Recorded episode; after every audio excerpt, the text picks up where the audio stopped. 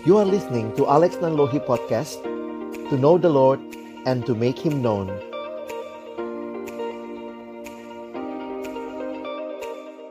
Tetapi kami mohon kepadamu ya Tuhan Tolong kami boleh menjadi pelaku-pelaku firman-Mu Di dalam kehidupan kami Di dalam keseharian kami. Di dalam nama Tuhan kami Yesus Kristus Sang firman yang hidup, kami menyerahkan pemberitaan firman-Mu. Amin. Jemaat yang dikasihi Tuhan, pembacaan Alkitab hari ini diambil di dalam Injil Lukas pasal yang ke-18. Injil Lukas pasal yang ke-18 ayat yang ke-9 sampai dengan ayat yang ke-14. Dan kita akan membacanya di dalam terjemah dibacakan dalam bahasa Mandarin dan kita bisa mengikuti di dalam Alkitab kita masing-masing.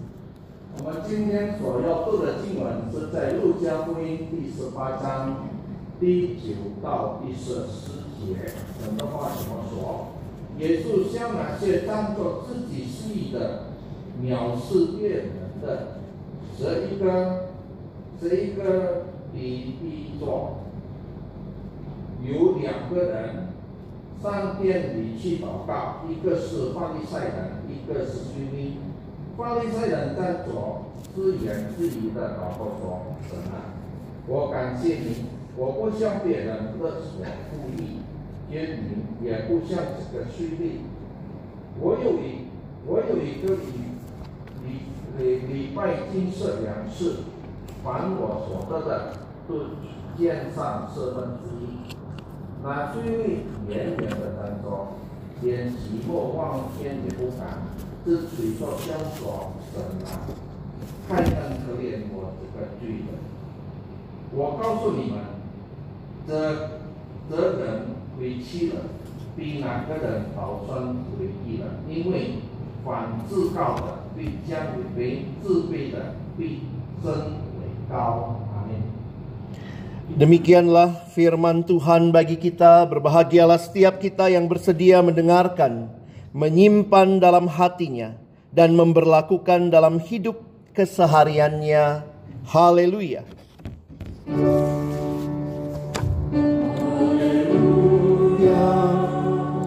Haleluya!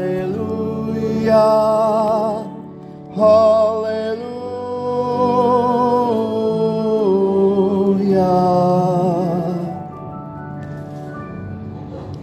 Selamat pagi jemaat yang dikasihi Tuhan. Kita bersyukur kepada Tuhan untuk kesempatan beribadah pagi hari ini.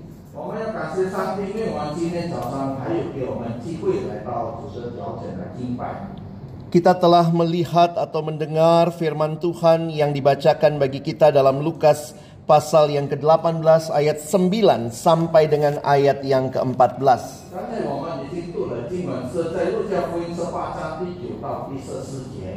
Mungkin bukan kali pertama kita mendengar hal ini karena sering kali juga dikhotbahkan bagian ini.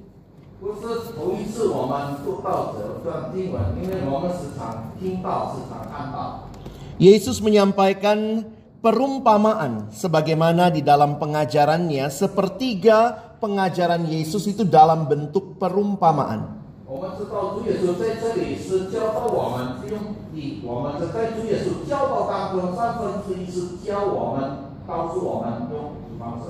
Perumpamaan punya keunikan karena membuat kita ingat lebih lama karena ada contoh ataupun cerita yang diberikan. 我们知道我们能够记得，因为主耶稣给我们的一切说的比喻是用故事来说。saya akan mengajak kita mendalami perumpamaan ini dalam kaitan tema pagi hari ini.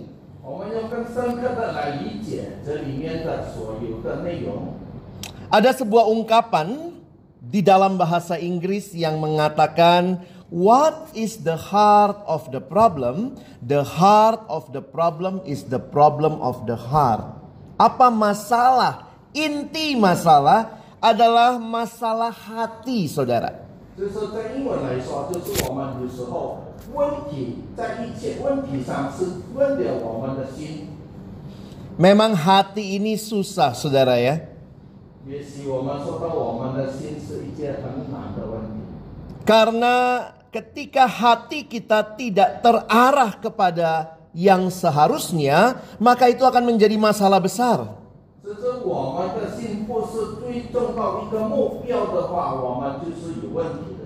Tidak heran di dalam perjanjian lama diingatkan jagalah hatimu dengan segala kewaspadaan karena dari situlah terpancar kehidupan.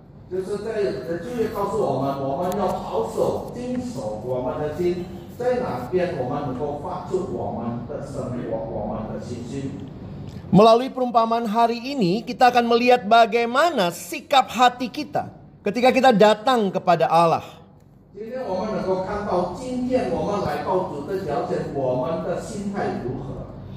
Di dalam perumpamaan yang kita baca, kita menemukan ada dua orang yang Yesus gambarkan.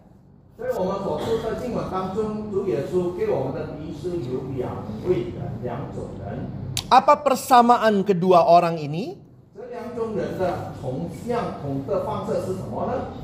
Keduanya pergi ke bait Allah untuk berdoa.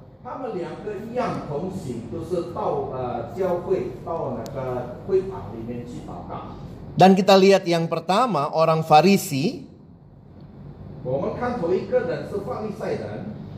Orang Farisi adalah orang yang memegang hukum Taurat dengan begitu kuatnya, begitu uh, melakukan sesuai dengan apa yang tertulis di dalamnya.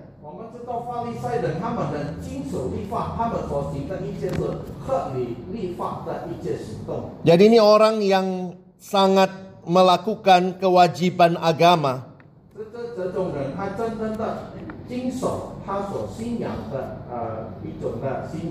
Dan yang kedua kita menemukan tentang pemungut cukai. Siapakah pemungut cukai? Pemungut cukai adalah orang Yahudi tetapi bekerja pada pemerintah Romawi untuk memungut pajak dari orang-orang sesama Yahudi.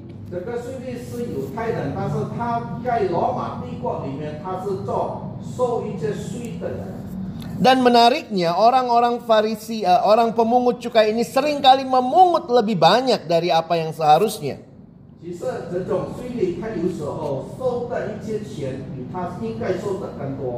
Tidak heran kalau saudara membaca tentang pemungut cukai ini adalah kaum yang tidak disukai oleh sesama orang Yahudi. Kita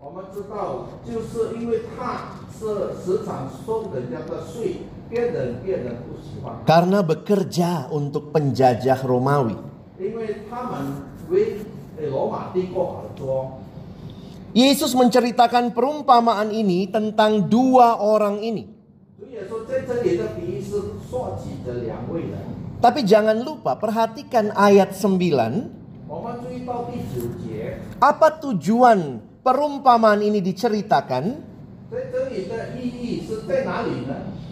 Dikatakan ayat 9 dan kepada beberapa orang yang menganggap dirinya benar dan memandang rendah semua orang lain, Yesus mengatakan perumpamaan ini.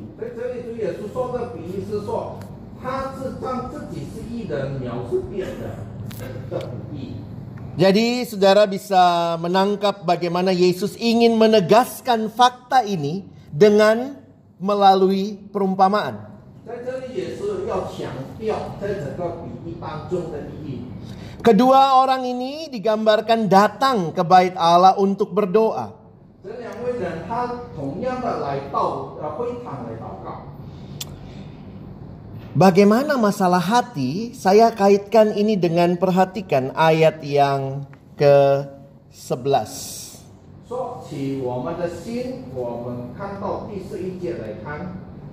karena kalau kita bayangkan, mungkin selama ini banyak dari kita yang berpikir orang ini mengucapkan doanya secara lantang. Tapi perhatikan ayat 11. Dia berdoa dalam hatinya.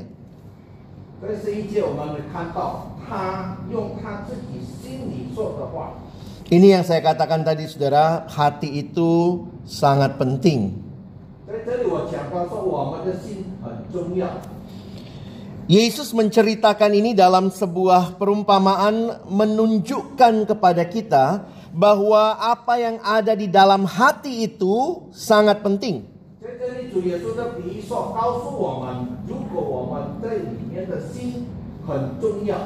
Mari kita lihat yang pertama ini, sikap hati yang salah yang dimiliki oleh pemungu, uh, eh, pe, uh, eh, orang Farisi ini. 我们第一看到这个法利赛人的心的错误在哪里？ Ketika dia berdoa, ia mengatakan kalau, kalau dia tidak sama dengan pemungut cukai. 他可以说他不像跟罪利一样，别跟别人一样。 Bahkan kalau saudara lihat apa yang dipaparkan di sini adalah semua hal berkaitan dengan kewajiban agama yang dia telah lakukan. 这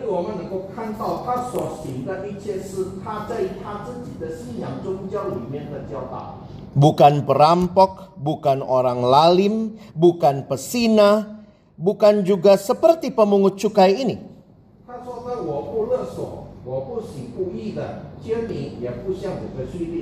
Jadi kalau saudara bayangkan, jangan bayangkan wah ini sangat negatif. Ini orang baik saudara, ini orang baik.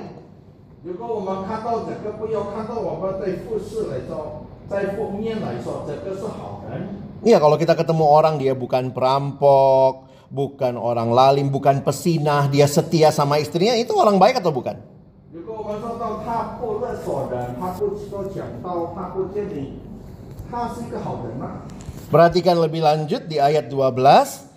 Aku berpuasa dua kali seminggu, aku memberikan sepersepuluh dari segala penghasilanku. 所以这里我们能够看到第十二节，他说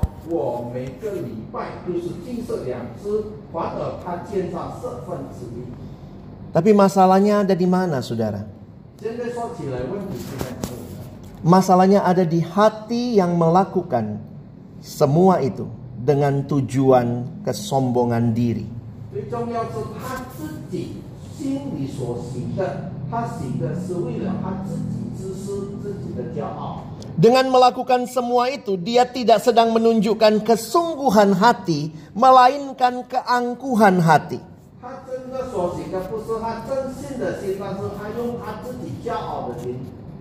Karena itu, orang yang seperti ini tentunya akan sulit juga menghargai orang lain yang dianggap tidak seperti dirinya.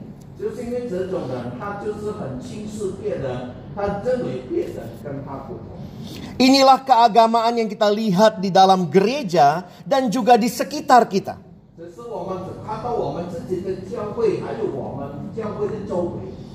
Saudara, di depan orang kita bisa terlihat pura-pura rendah hati.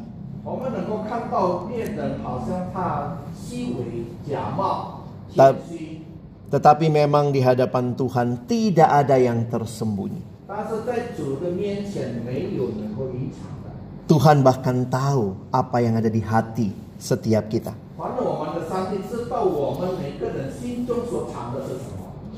Sehingga Yesus menggambarkan bahwa orang Farisi ini pulang dengan ya tetap sama tidak dapat pembenaran dari Tuhan.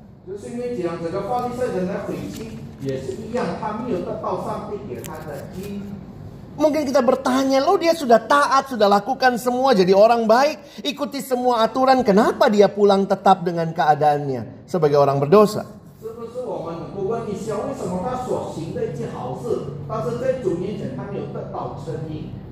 Ini karena hatinya tidak terarah kepada Allah, tetapi kepada dirinya sendiri.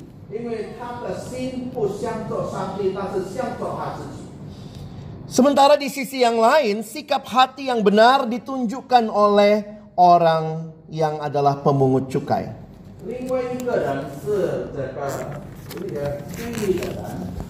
Kita tahu bahwa dia bukan orang yang disukai tentunya.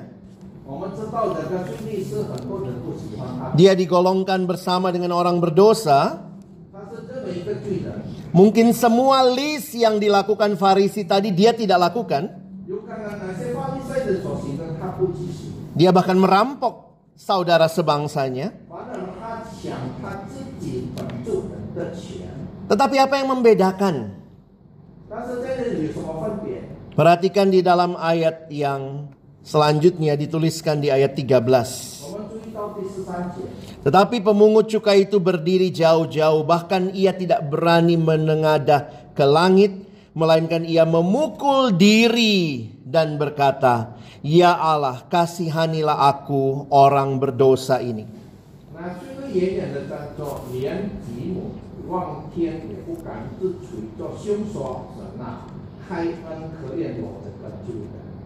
Saudara yang dikasihi Tuhan, ini sikap hati yang benar. Ini bukan berarti kita mengatakan tidak apa-apa melakukan hal-hal yang buruk. Tetapi ungkapan yang Yesus sedang ceritakan dari pemungut cukai ini adalah sebuah ungkapan pertobatan.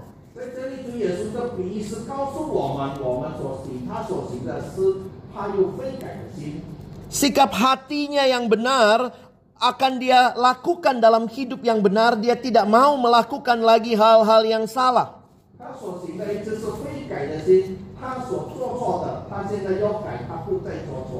Ia bahkan menyadari dirinya tidak layak untuk diampuni.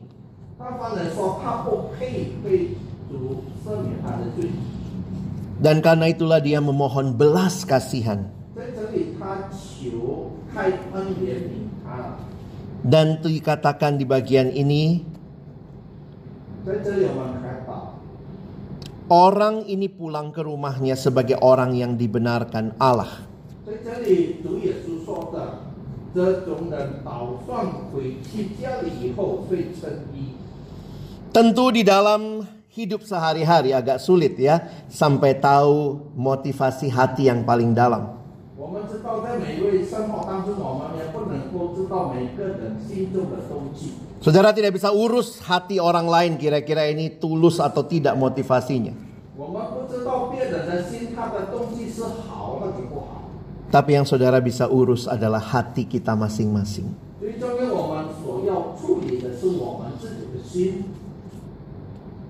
Saudara, mari kita bukan hanya melihat hanya hal-hal yang di luar saja, tetapi biarlah kita melihat juga apa yang ada di dalam hati kita.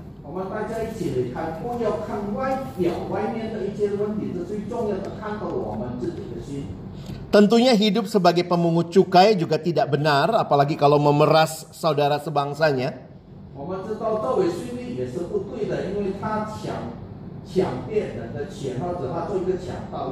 Tetapi hidup taat pun tanpa hati yang terarah kepada Allah juga tidak benar.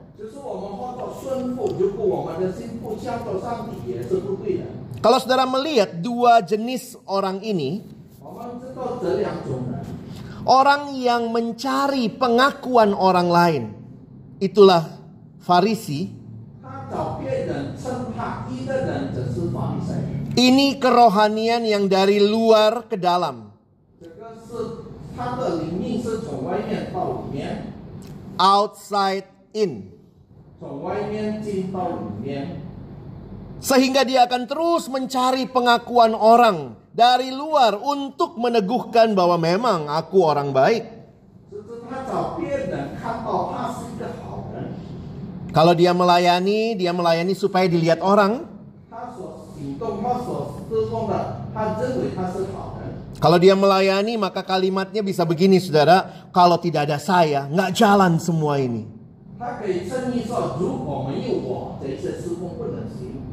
Kalau pelayanan pinginnya dilihat orang.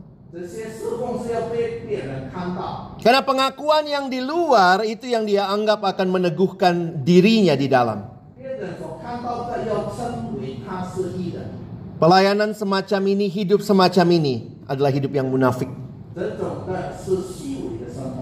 Berbeda dengan pemungut cukai, seharusnya inilah sikap hati, kerohanian yang sejati.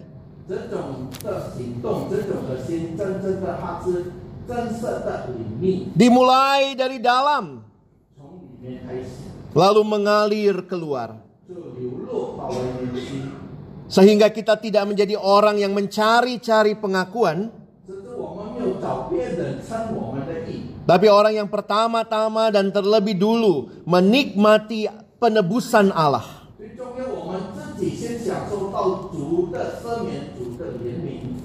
Kenapa saya bicara penebusan tadi bicara dengan penerjemah bahwa istilah yang muncul di ayat yang ke-14, eh, ayat yang ke-13 Ya Allah, ini doanya pemungut cukai, kasihanilah di situ dipakai kata have mercy.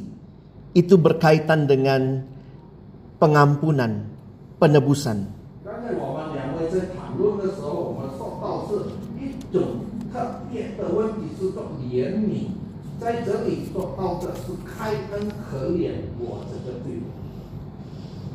Kesadaran diri membutuhkan anugerah Allah. Itulah yang membenarkan orang ini. 我们醒悟到我们自己的错，我们要找主的真理。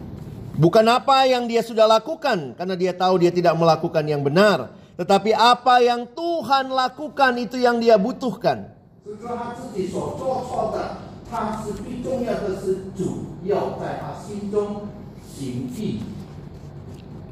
Akhir bulan ini gereja akan merayakan hari reformasi. 我们知道，我们在这个下个月我们要进入这个 reformasi， Dan salah satu semboyan reformasi adalah sola gracia, hanya karena anugerah. 就是我们所要行的，就是说为了主的恩典， Bukan karena apa yang saya lakukan bagi Allah, tetapi apa yang Allah lakukan bagi saya. Itulah keselamatan kita. 不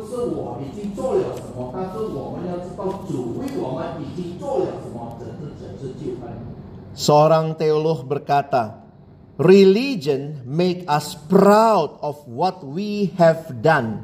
Agama membuat kita bangga dengan hal-hal apa yang sudah saya lakukan.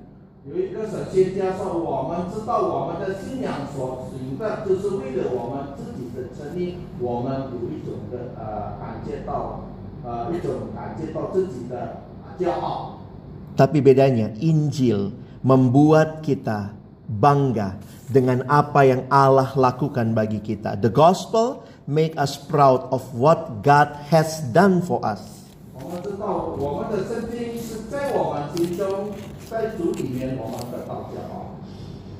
Orang yang sadar dia membutuhkan anugerah ketika dia tahu bahwa dia tidak punya apa-apa untuk membawanya ke surga.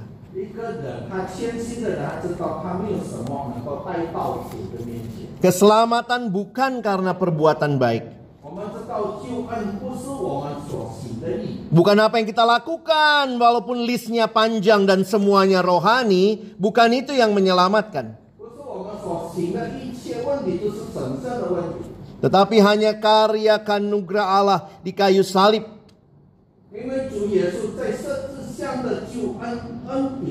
Penebusan inilah yang diminta oleh pemungut cukai 就是这种的恩典，这个训练所要求的。 Sehingga jangan lihat hidupnya sebelum dia ketemu Tuhan. Harusnya yang kita tanya bagaimana hidupnya setelah dia ketemu Tuhan. 现在我们没有看到他以前的生活方式，但现在重要的，他已经见到主耶稣的生活方式。 Ada yang bilang begini, kalau mau nolong orang yang hampir tenggelam, bagaimana cara nolongnya saudara? 有的人说，如果我们救一个人，他要被沉下去的时候，我们如何救他？ Katanya tunggu aja agak lemes, jangan langsung ditolong katanya.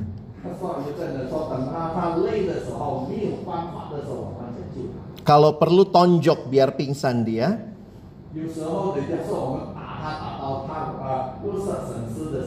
Karena kalau di awal biasanya dia masih meronta-ronta berusaha menyelamatkan diri dengan kekuatannya. Tidak heran beberapa orang yang menolong orang yang mau tenggelam, dia malah ditonjok, malah dia yang tenggelam.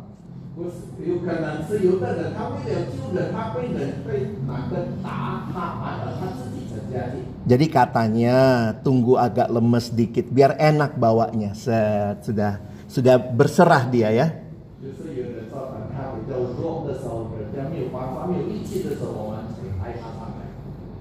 Ketika saudara dan saya merasa saya bisa, saya bisa lakukan ini, saya baik, saya punya semuanya, saya melayani, tetapi kita tidak punya hati yang berserah kepada Allah. Sebenarnya kita sedang sulit sekali ditolong.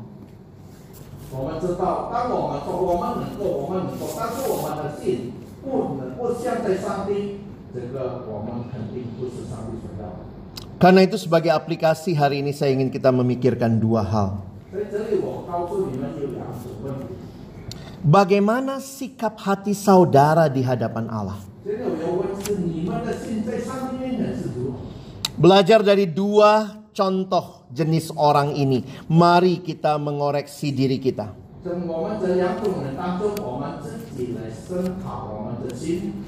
Apakah motivasi hati kita sudah benar atau belum?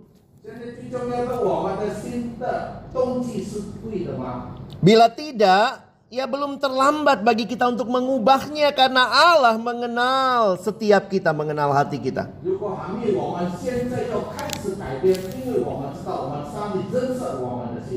Allah pun akan menguji motivasi kita. Ketika kita berdoa, beribadah, datang kepada Tuhan. 当我们侍奉，当我们祷告的时候，我们来到主的面前。 Saudara, banyak orang datang sama Tuhan karena ada maunya. 有时候很多人来到主的面前是他所需要的， Bukan sungguh-sungguh datang karena dia mau Tuhan. 他不是真正的要要上帝。 Pernahkah saudara ada teman deketin saudara padahal sebenarnya dia cuma memanfaatkan kita untuk tujuan yang lain?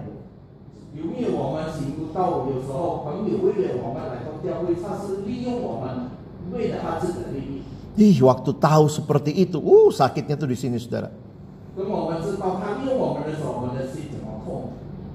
Kalau saudara datang kepada Tuhan, tapi hanya memanfaatkan Tuhan, sebenarnya itu motivasi yang sangat-sangat menyedihkan.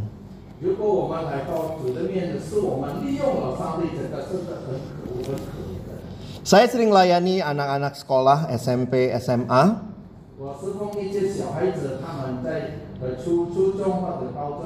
atau bahkan yang mau masuk kuliah.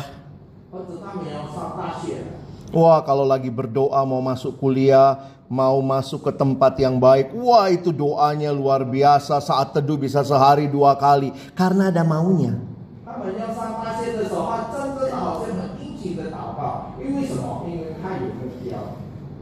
Tapi begitu sudah dapat, Tuhan yang dilupakan pertama kali. Mari kita datang dengan sikap hati yang benar bahwa memang kita merindukan relasi bersekutu dengan Tuhan.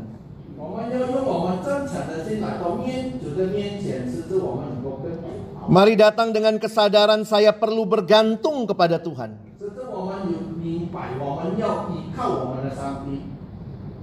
Yang kedua, kalau sikap hati kepada Tuhan benar, saya pikir itu sangat utama akan menolong kita juga punya sikap hati yang benar kepada sesama.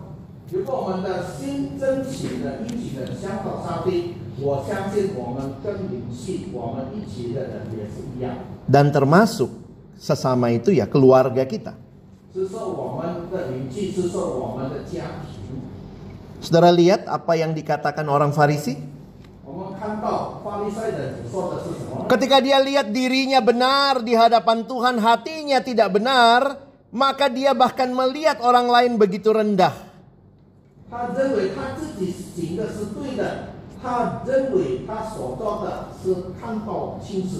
Ah, syukur saya tidak seperti orang itu. Kalau sikap hati kita kepada Allah tidak benar, maka tentunya akan berdampak kepada relasi dengan sesama.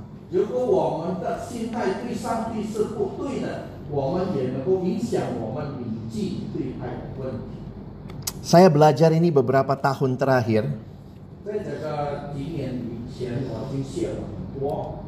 Melalui sebuah perenungan yang saya baca.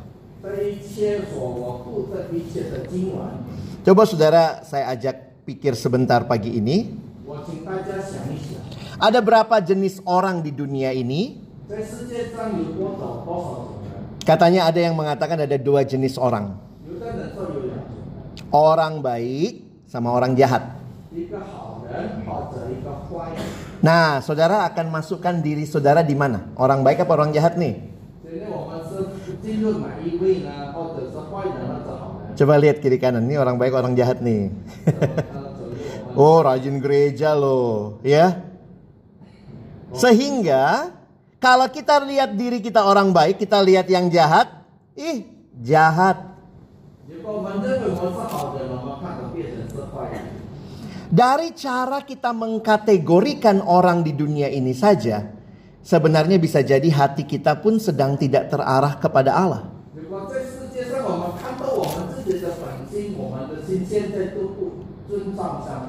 Kalau Injil membaharui hidup kita, bagaimana cara pandang kita?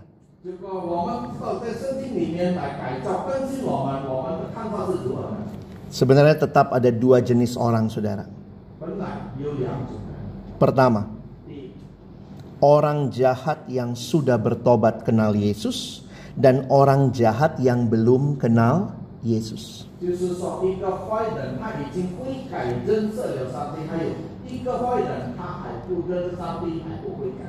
Pada dasarnya, kita semua berdosa sama-sama orang jahat.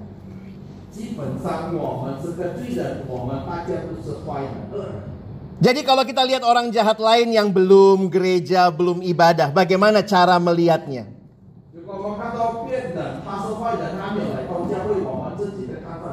Jangan sombong, ih gua gereja, lu kagak gereja, ah neraka lo.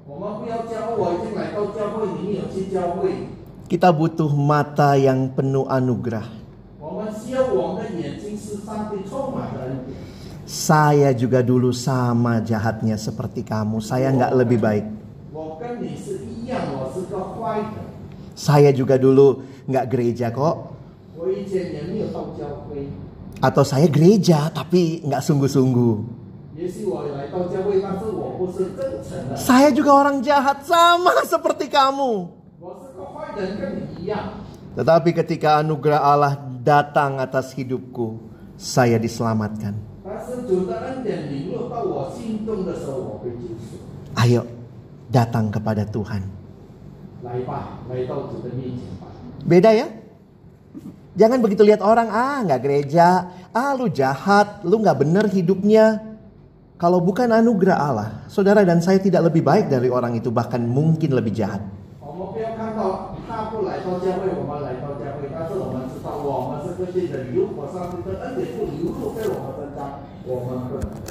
Gimana lihat keluarga kita?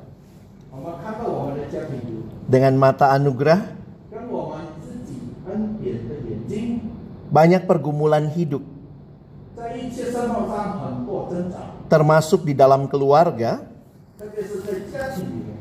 tapi menurut saya salah satu kuncinya adalah miliki hati yang benar dan cara pandang yang benar melihat sesama termasuk keluarga kita.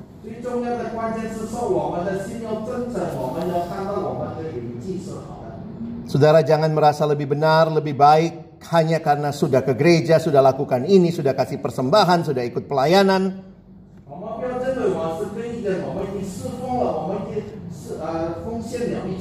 Tapi terus sadar Tuhan ini hanya karena anugerahmu.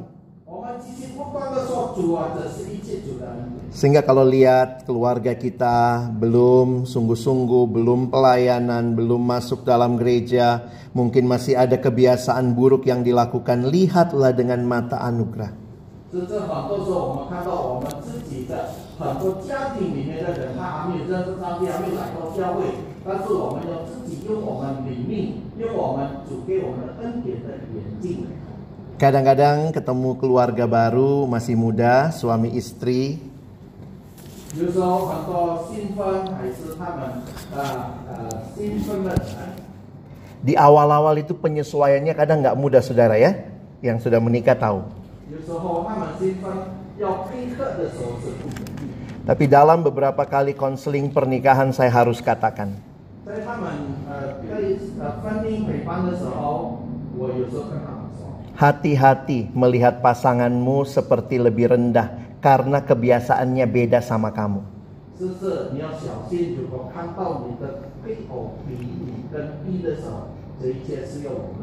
Kadang-kadang sederhana saudara ya, yang satu pencet odol dari tengah, yang satu dari belakang.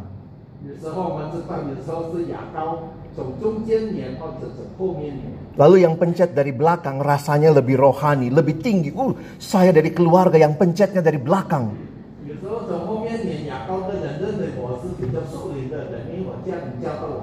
Kamu itu keluargamu nggak bener ya. Pencet dari tengah. Pantas papamu begitu. Pantas mamamu begitu. Ternyata nggak efisien hidup.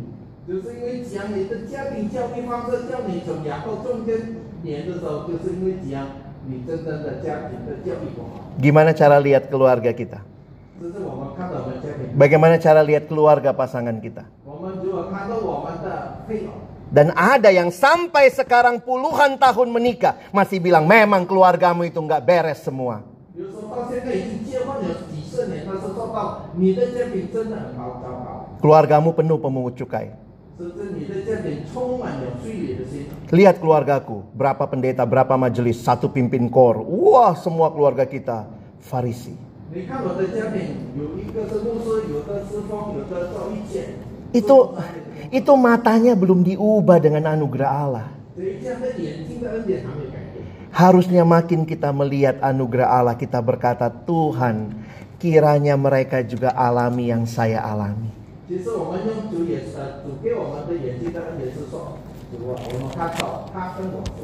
Jadi berapa jenis orang saudara di dunia ini? Dua ya. Orang jahat yang sudah bertobat kenal Yesus dan orang jahat yang belum kenal Tuhan.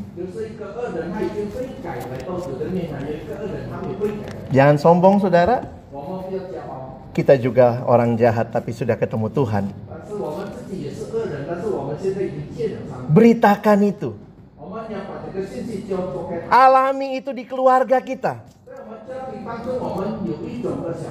Saudara mau bertahan dalam semua situasi, miliki mata yang melihat kepada Allah.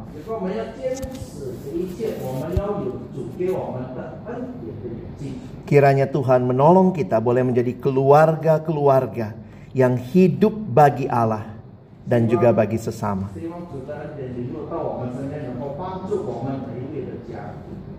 Mari berdoa. Terima kasih banyak Tuhan untuk firman-Mu pagi ini.